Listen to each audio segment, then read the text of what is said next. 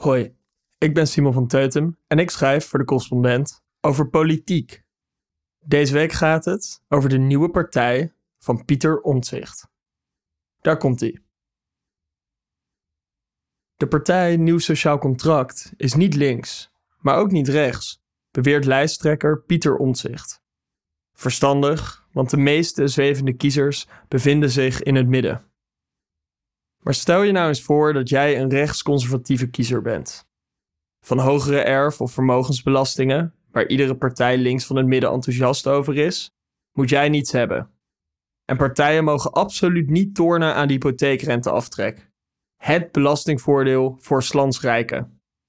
Een minimumloon van 16 euro per uur vind je te gortig.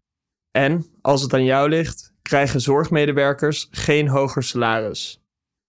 Bovendien ben je huiverig over meer Europese samenwerking en integratie. En natuurlijk, Nederland mag meedoen met de klimaatafspraken van de EU, maar je wilt zeker niet sneller gaan dan dat. En als het even kan, direct stoppen met de bouw van grote windparken en zonnevelden op landbouwgrond. Op wie stem je dan? Nou, op Pieter Omtzigt. Hij praat graag over bestaanszekerheid en heeft een handjevol plannen om de noodzakelijke kosten van levensonderhoud te drukken, zoals het koppelen van uitkeringen aan het minimumloon of een progressieve energiebelasting op gas, zodat huishoudens over de eerste duizend kubieke meter minder belasting betalen dan nu. Maar economisch links? Niet bepaald. Dit realiseerde ik me toen ik voor de stemgids van de correspondent alle partijprogramma's doornam. NSC is een centrumrechtse partij, als je het mij vraagt. Het programma is zelfs rechtser dan het CDA op sommige vlakken. Zoals het willen handhaven van de erf- en vermogensbelasting en het minimumloon en het niet meewegen van mensenrechten en milieuschade in handelsakkoorden. Het stemgedrag van Omtzigt kwam na zijn breuk met het CDA het meest overeen met de rechtse en de meest conservatieve partij in de Kamer, de SGP. De positie van NSC, zoals onthuld in het partijprogramma, biedt twee bruikbare inzichten. Allereerst zou ik me als centrum-linkse kiezer niet te veel laten leiden door omzichtsnadruk in de campagne op bestaanszekerheid.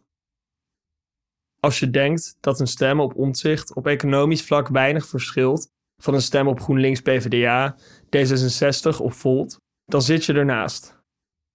Geen wonder dat Omtzigt deze week zei dat hij na een rechtsminderheidskabinet ook wel een rechtse meerderheidscoalitie voor zich ziet met NSC, VVD, BBB, CDA, SGP en JA21 bij het verkiezingsdebat van de Twentse krant Tubantia. Je kunt Omtzigt om allerlei redenen steunen. Neem zijn frisse blik op bestuurlijke vernieuwing of zijn nuttige werk in de Kamer. Maar het herverdelen van welvaart en kansen is geen prioriteit voor hem. Het tweede inzicht is strategisch van aard. Ook zonder rechts te stemmen kun je inzien dat rechtse partijen komende verkiezingen weer meer stemmen zullen trekken dan linkse partijen. En dat Nederland profijt heeft van een serieuze en fatsoenlijke centrumrechtse partij.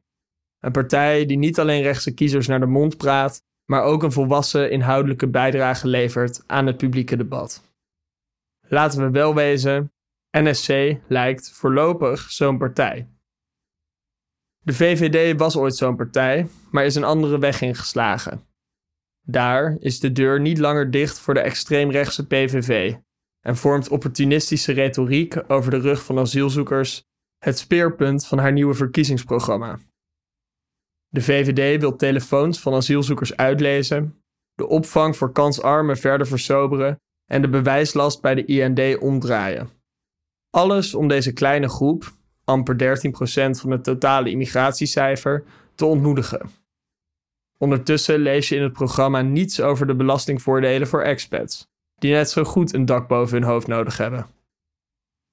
Ik sta niet achter het migratieplafond van Pieter Omtzigt, maar als je minder immigranten wilt toelaten met het oog op het woningtekort, dan bieden zijn plannen voor de beperking van studie- en arbeidsmigratie een geloofwaardigere aanpak. Van alle partijen die hun programma lieten doorrekenen, krimpt de veestapel het minst bij de partij van Jezielgus, grofweg 10%. En dan heb ik het nog niet eens over de financiële keuzes van de nieuwe VVD. De partij is van plan om alle ontwikkelingshulp te staken, met uitzondering van noodhulp. Dit terwijl juist de ontwikkelingslanden steun dringend nodig hebben voor hun energietransitie. Wat heeft dat allemaal met Pieter Omtzigt te maken? Na de verkiezingen moet de grootste rechtse partij van Nederland geleid worden door verstand en durf, niet door zondebokpolitiek en kleingeestig korte termijn denken. Een kiezersonderzoek wijst uit dat er geen partij meer kans maakt om VVD-kiezers af te snoepen dan nieuw sociaal contract. Kortom, Pieter Omtzigt mag dan niet links zijn, hij is wel een nuttige vluchtheuvel voor verstandige VVD'ers. De correspondent bestaat 10 jaar. Al tien jaar maken wij journalistiek voorbij de waan van de dag. Journalistiek die niet polariseert, maar perspectief biedt. Die geen ophef najaagt, maar oplossingen zoekt. Wist je dat de correspondent 100% door leden wordt gefinancierd? Dat betekent dat we ons werk alleen kunnen doen als luisteraars zoals jij ons steunen. Word vandaag nog lid. En draag bij aan diepgravende, Advertentievrije en onafhankelijke journalistiek. Ga naar decorrespondent.nl en word lid.